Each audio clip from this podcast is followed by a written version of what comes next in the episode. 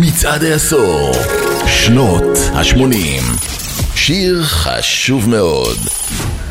ביולי 1979 נערך באיצטדיון בשיקגו אירוע שייזכר לעד כ Disco Demolition Night. אלפי תקליטי דיסקו הושמדו שם. בניצוחו של שדרן רדיו שהיה מזוהה מוזיקת רוק ופוטר מעבודתו. באופן סמלי, כמה שנים אחר כך, באותה עיר, צמח הסגנון שהחליף את הדיסקו כפס הקול האולטימטיבי של מועדוני הריקודים. Let there be house, and house music was born.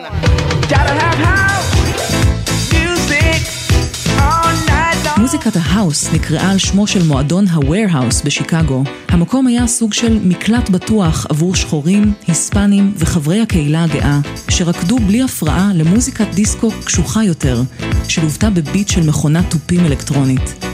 הדי-ג'יי במקום היה פרנקי נקלס, תקליטן מניו יורק שהפך לגורו של הקהילה הקטנה שהתגבשה שם.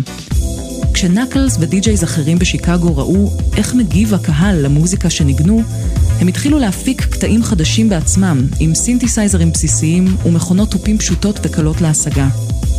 הם לא חיפשו דרך לשנות את העולם, רק להביא את הריגוש הבא לרקדנים והרקדניות על הרחבה.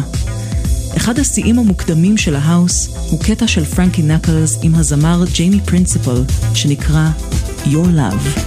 הקטע הפך להיות קלאסיקת רחבות, ומאז סוף שנות ה-80, סגנון ההאוס הפך לשפה גלובלית על רחבות הריקודים, ממועדונים קטנים ועד פסטיבלי מוזיקה ענקיים.